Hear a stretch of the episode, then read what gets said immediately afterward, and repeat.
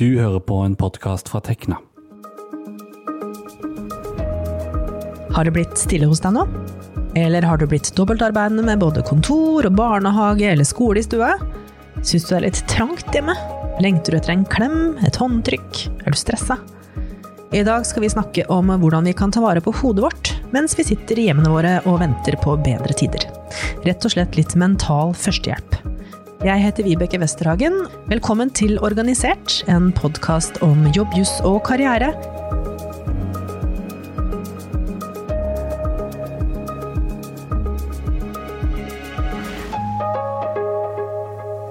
Vanligvis så spiller vi inn dette i et uh, lydstudio, men nå og framover så spiller jeg inn rett og slett fra stua mi, mens femåringen og mannen min er en tur i skogen. Og i dag så skal jeg snakke med deg, Karina Carl. Du er med oss på telefon i dag. Hei, Karina. Hei, Vibeke. Hei. Du er klinisk psykolog og er bl.a. medforfatter på en bok som heter 'Hverdagssyk med PS'. Og nå kan man jo trygt si at vi har fått en veldig ny hverdag. Hvordan går det med folk hjemme nå, tror du? Og det er veldig både òg. Jeg snakker både med de som opplever at dette er en eh, takknemlig pause, en anledning til å trekke seg tilbake og, og, faktisk nyte det litt. Det fordrer jo også at man har det godt både med de hjemme, men også eh, med hverdagen for øvrig. Og, og selvfølgelig har jobb osv. i behold. Og så er det de som omtrent går rundt seg selv og som er rammet av sterk angst, ubehag, eh, veldig mye usikkerhet. Så Noen opplever denne perioden som veldig belastende, og spesielt hvis eh, noen rundt blir, eller mange blir rammet av sykdom, hvis man selv er i risikogruppen, at man kjenner noen som er, f.eks. Og hvis man i forveien er i en særlig sårbar eh, situasjon mentalt, eller på andre måter er belastet, så kan situasjonen være ekstra utfordrende. Så konsekvensene rammer oss alle i større eller mindre grad. Og de fleste er kanskje mindre aktive, spiser mindre regelmessig, sover mindre regelmessig og kan kjenne en effekt av dette. Eh, altså kjenne uro og usikkerhet i større eller mindre grad. Det kan også påvirke måten vi forholder oss til eh, alkohol, eh, skjerm. Eh, ja, måten hverdagen ser ut i det hele tatt. Ja. Mange opplever jo en utrygg jobbhverdag akkurat nå. Mange blir permittert eller er bekymra eh, for å kunne bli det, eller for økonomien sin, framtida si og sykdom, da, som du nevner. Hvordan kan man best håndtere dette med utrygghet for hva som kommer, hva som skal skje? Ja, vi mennesker er jo først og fremst bygget for overlevelse. Så i en sånn usikker situasjon som vi faktisk står i, vi har aldri vært i lignende tidligere, så trigges hele vår alarmberedskap. Det er masse masse energi, og det kan føles utrolig ubehagelig. Men vi skal vite at den angsten eller den beredskapen, den uroligheten, det er overskuddsenergi som, som du kan bruke altså hvis du får anledning til å bruke den på en konstruktiv måte. Eh, jeg tenker at bekymringer kan sette i gang eh, veldig mye ubehag, og, og, på en måte som ikke nødvendigvis er konstruktiv. Vi kan ikke styre hvilke tanker som kommer til oss. Det at vi faktisk får en bekymringstanke, men vi kan styre måten vi møter dem på. Så Vi kan f.eks. øve oss i å ta situasjonen på alvor, ta forhåndsregler, men uten å bekymre oss. Hvis vi har tendens til mye bekymring, så kan vi sette av desidert bekymringstid daglig, f.eks. en halvtime. Og vi øver oss på å holde bekymringen til det tidsrommet. Og gi slutt på, eller bryte bekymringstendensen i timene for øvrig. Ja, nå, er du borti noen, nå nevner du jo noe sånn konkret verktøy. ikke sant? For det jeg synes er litt rart, det er at de fleste av oss har jo et sånn førstehjelpsskrin hjemme. og der har vi, altså Hjemme hos meg så har vi en skoeske, og der har vi plaster, bandasje, Paracet, Pyresept. Men hva med mental førstehjelp? Altså, Hvilke andre verktøy er det vi bør ha i dette skrinet vårt nå, og ta i bruk? bør ha verktøy som, som, handler om måten vi forholder oss til tanker og bekymringer, eh, og også til følelser. Eh, og til handlingene våre, helt konkret. Så det å skille mellom hensiktsmessige og uhensiktsmessige bekymringer og tanker, eh, tenke konstruktiv problemløsning, dvs. Si hvilke konkrete handlinger man kan foreta seg, eh, og hva som er bekymringer man ikke kan gjøre noe med, eller som ikke hjelper å fokusere på. Og huske på å minne seg selv om at tanker ikke nødvendigvis er sannhet. Men tankene våre virker inn på følelsene våre, som igjen virker inn på hele systemet, hele alarmberedskapen, og også potensielt på handlingene våre. Så hvis vi prøver å tenke konkret og handle og fokusere nå på hverdagsstruktur, veldig, veldig viktig. Og prøve å holde fast i en tilnærmet normal rytme på søvn, kosthold eh, og på, på, fysisk aktivitet, bevegelse, få til noe av det. Og sosial kontakt. Og nå kan vi jo ikke eh, ses på samme måte, vi kan ikke bevege oss på samme måte. Så kanskje noen av disse hverdagsrutinene nå tar andre former. Men det er viktig å prøve å, å ivareta det virksomme, det virksomme ved de elementene i hverdagen likevel. Det er sånn helt konkret. Og noen ganger også unne seg å fristille seg litt fra tankene og, og minne seg selv om at tanker er faktisk bare tanker. Så selv om vi er engstelige for at dette her ikke kommer til å gå bra i det hele tatt, så, så kommer vi til å komme gjennom det og ut på den andre siden, og det kommer til å gå bra til slutt minne seg selv om det så godt man kan. Vi kan også tenke at bekymringene f.eks. er som en insisterende selger. Så man liksom sier at 'hei, jeg ser deg', og eh, 'takk, men vi har møte senere'. Så, så, rett og slett møte tanker og følelser og handlinger på en veldig konstruktiv måte, hvis man kan, og i den grad man kan. Og da også huske på at vi er aldri lenger enn et godt valg unna. Så går vi på trynet, så er det en innsikt så enten så lykkes vi, eller så lærer vi. Og i en sånn ekstrem situasjon så blir vi litt kavete. Det kan bli mer utfordrende å ta gode valg for oss selv. Jeg vet at uh, når jeg har vært i kontakt med deg tidligere, så hadde du en liksom punktliste på, på, på ting man skulle huske, huske, på. Og du har vært borti litt sånn søvn og mat og sånn nå, men, og rutiner da. Mm. Uh, men du, om, du, nevnte noe om hobbyer og småprosjekter. Ja. Å kunne le, ja. eksempel. Ja, jeg tenker at det er veldig viktig å huske på. At man også setter dette med hygge. Altså ting man gjør for seg selv som man normalt gleder seg over på agendaen. Og så prioritere det. Man får inn litt glede, litt letthet. Og minne seg selv om også å justere forventninger til hva en dag skal inneholde nå. For nå er det unntakstilstand. Så øvelse også i å fokusere på det man er tilfreds med ved dagens slutt det man faktisk har fått gjort, fremfor det man ikke har fått gjort. Um, jeg tenker at dette helt konkret, at dette med hygge, ting man gjør for seg selv, eh, det man gjør for å kose seg f.eks., at det er et sånn eget mental hygienepunkt.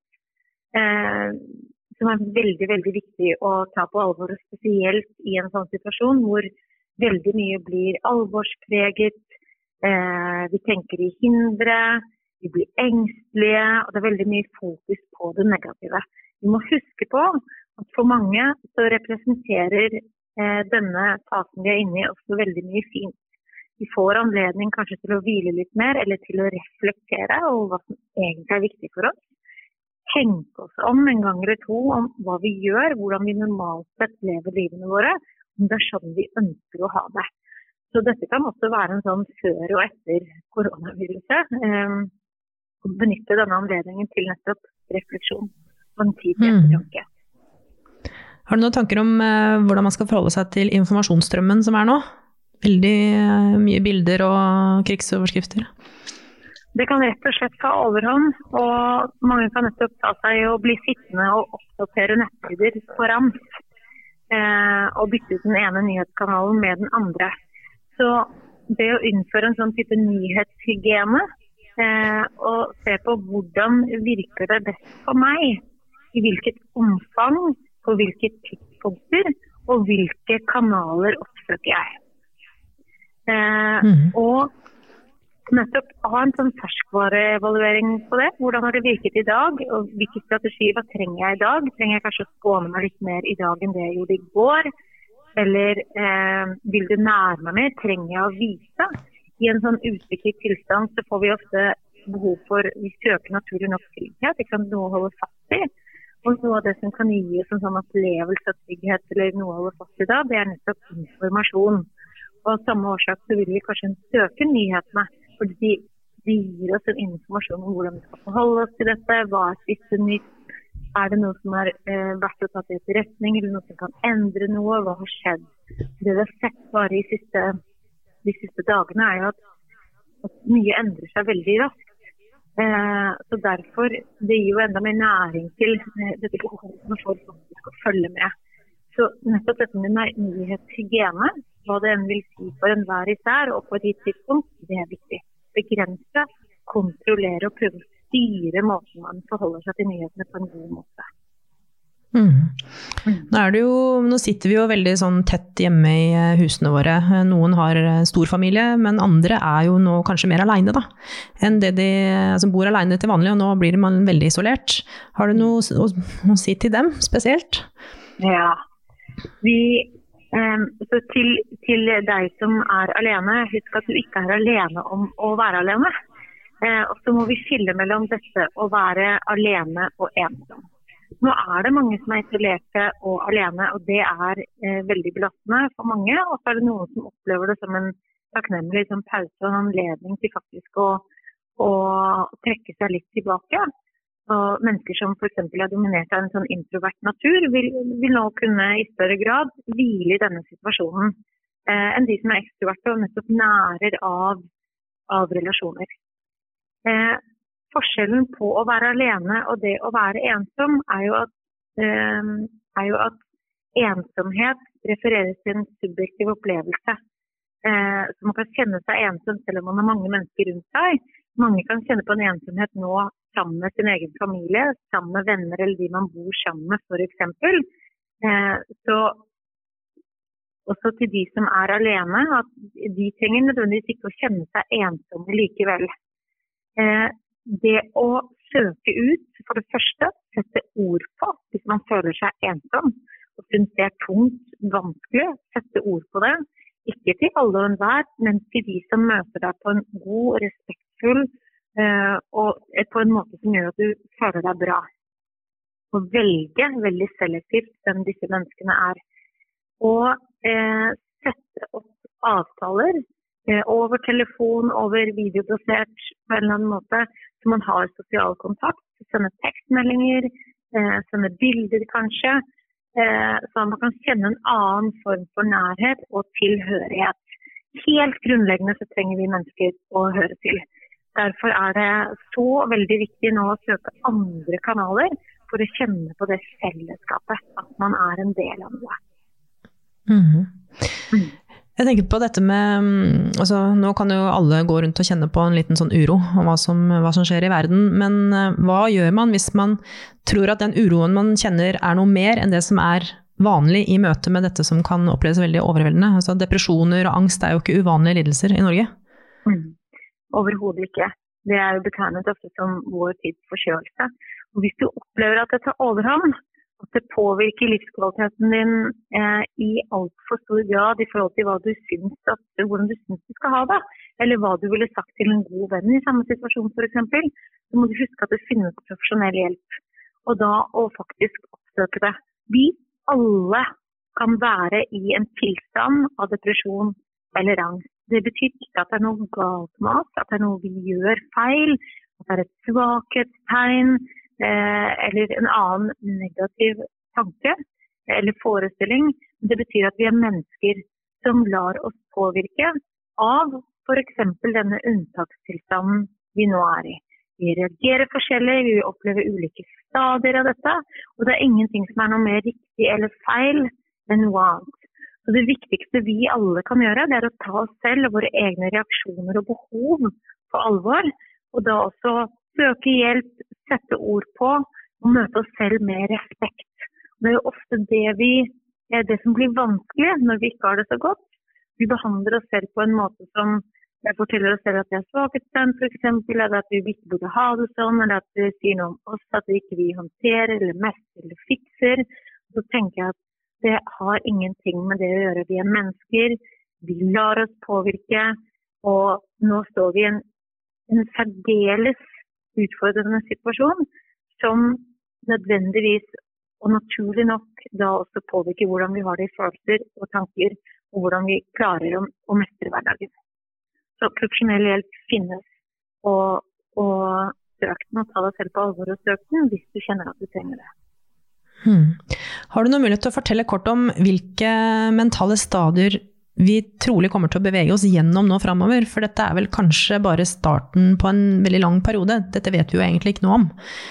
For den første tida nå har jo den, være, den første tiden har jeg opplevd ganske sjokkarta for mange, da. Hvilke mm. stadier kan vi forvente oss, liksom? I følelsesregisteret vårt? Det er litt vanskelig å si, men ofte i møte med endringer så går vi gjennom stadier som handler om at vi først går i sjokk og liksom vantro og, og, kanskje ikke tar det på alvor eller klarer å ta det innover oss til sånn fornektelse.